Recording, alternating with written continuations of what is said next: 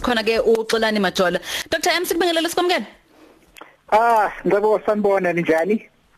Siyaphila. Ninjani nina?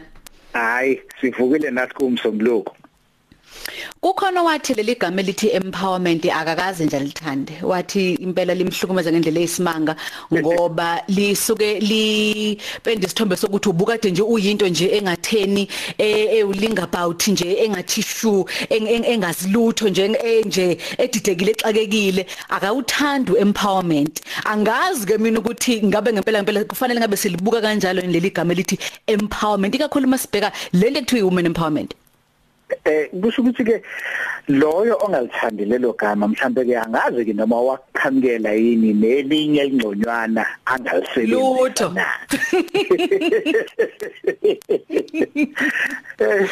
Cha ngcebo uyabona njengoba ku August nje uyabona?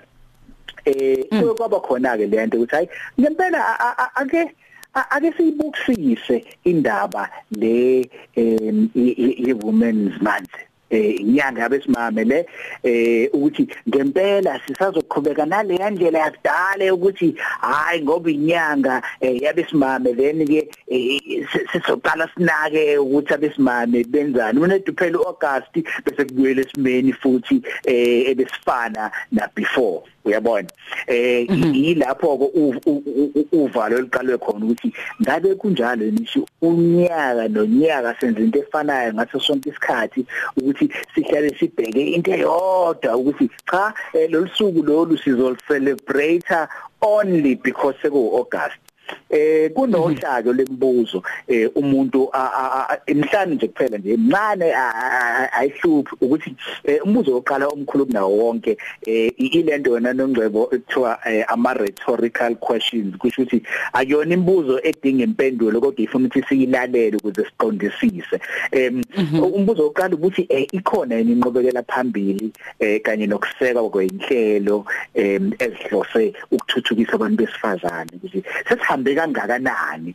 Ngoba phela lekade yaqala lento kuleminyakana le edlulile. Ukhona umehluko noma kuyafana nje you know unyaka nonyaka lokukhulunywa into eyodwa eh akho lutho okushintshayo. And then ke sibheke ukuthi ke eh isiguqukile indlela esicabanga ngayo wena nongcebo ngokubaleka ke kweinhlelo zokuthuthukisa abantu besifazane. Uthi eh kusafana mhlambe kusawumsindo ofanayo noma ngempela isikhona lento yokuthi njengomphakathi isociety siyayibuka lento siyayicabanga siyajula eh indlela esisebenzisana ngayo nabantu besifazane eh isiqala kuba nomehluko na noma mhlambe isafana nasiqalene then ke bese kuba khona le yanto ke ukuthi ke abantu besifazane eh banalo yini izwi?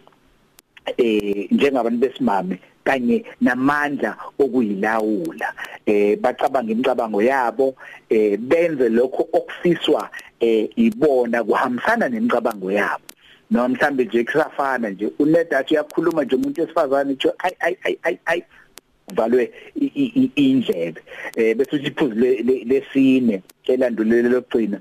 Em sibahlonipha kangakanani abantu besifazane?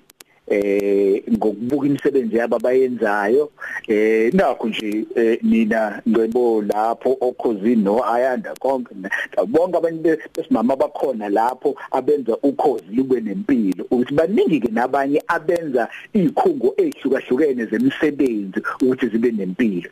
Ukuthi sikwazi ukubuka sibone sijabule eh ukuthi ngempela ubuholi benu buyabonakala emphakathini wonkana nabantu besifazane. Bese uthi iphuzu lokugcina ke eh siyabathanda yini na? Siyabahlonipha yini na? Siyabazwela yini na? Siyabalalela yini na eh abantu besimame? Kukho konke abafisa ukwenza kukho konke abasitshela kona ukuthi kufanele sikwenze. Noma mhlawumbe nje sisacula lelo culo lelo lokuthi hayi uyeza mhla ka9 kuzobe iholiday eh sidle sijabule kuphele kanjalo. Bese kuyaphela ke completely. So le ndaba ilapho wena ngcebo ukuthi lembuzo le imbuzo engicabanga ukuthi ngiphose kubalaleli. Ke bacabange nabo bajule ngesimo eh sabantu besifazane ngoba kunenkulumo eziningi ezithi eh abantu besifazane mase be empowerisha kusho ukuthi amadoda asezosalela ngaphandle. Kanti mina ngithi cha bekunganjalo ngaphambilini abantu besifazane bebengaziwa eh yizo noma kade bekhona.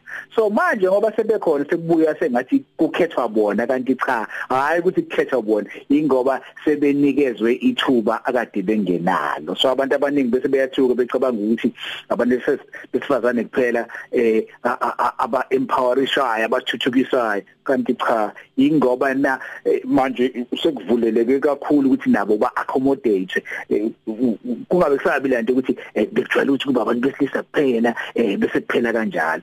So ke ngicebo mina elami ke ilona lelo ukuthi eh udaba lokuphakanyiswa nokuthuthukiswa eh konke besifazane akulona udaba kufanele sithathe kancane ngoba kuningi okuhle okwenziwa abantu besifazane. Osekudingakala ukuthi singabe sacabanga kakhulu sivele sikwamukela ukuthi sekuyingxenye ukuthi umphakathi eh wekusasa eh uhamba kanjalo ngcebo Eh mhlawumbe sesiya ngasekuyisongeni inkulumo yethu noma ingxoxo yethu eh Dr. M. Eh le ndaba yokuthi abantu besifazane kubhekwe kakhulu indaba ye empowerment empowerment kuthiwa idala eh bengathi kwabona badidekile ngoba ngapha ngakolunye uhlangothi ufuna uba umuntu osifazane onamandla onezwi olalelwayo onesikhundla onama degree oyikho konke. Kodwa ngapha futhi ufuna ukuvulela isicapha semoto ufuna ukuthi adonsele isitulo mayizohlala phansi ufuna ukuthi aphathelwe ihandbag ufuna ukuphushela itrolley mayogrosa. Why empowered wabufuna ukuphushela itrolley futhi? Kanti le empowerment ihambi ihambi hayibe khona la kwitrolley. Kodwa nasithi 50 50 kube 50 50 noma into mayisinto ungathi ake yabona ke le kufanele iqutshulwe umuntu wesilisa kwa ngibizela ubhuti wa next door. Angithi uthi 50 50 wena kubula uqinisile. Cha lokho ngeke ngize ngikuphike nami uyabo? Eh ngoba kusho ukuthi abantu besifazane kunendlela ehlukahlukene abathanda ukuthi eh i-empowerment yabo bayisebenzise ngayo uyabo? Eh bakhona abafuna ukuzenzela ngcebo njengawe nje ukuthi hayi mina ngiyazenzela nje eh khululekani. Bese bakhona labo mhlawumbe abadinga ukuthi yize noma ekhululekile eyakhe inkululeko kanye neempowerment yena uzoyi-exercise uzoyenza ngokuthi kube khona izinto azilindele kuwena mhlawumbe njengomuntu wesilisa. Mhlawumbe njengopartner wakhe ukuthi uzozenza. So ke inkululeko okungenani wena ngcebo eh the fact ukuthi ikhona leyo option enjalo isikhona naleyo ndlela yokucabanga enjalo ithi kumina inkululeko isiyaqala iba khona ngendlela umuntu ngamunye ngcebo azoyidefine ngayo ayichaze ngayo imchaze ngayo ayijabulele ngayo. Dr M ngicabanga ukuthi njengoba kuyinyanga abantu besifazane ziningi ihloko ezifana lalezi sisazoke sithi kuyihlakaza ke siyiqaqe ke sibheke sibonga kakhulu ukuthi benathi kubona umsakazo khoza. Ngiyabonga kakhulu usuku oluhle kunini uxolani majolo bayisambeli sethu njalo ngomsombuluko sithi ayihlale phansi bamba umthetho.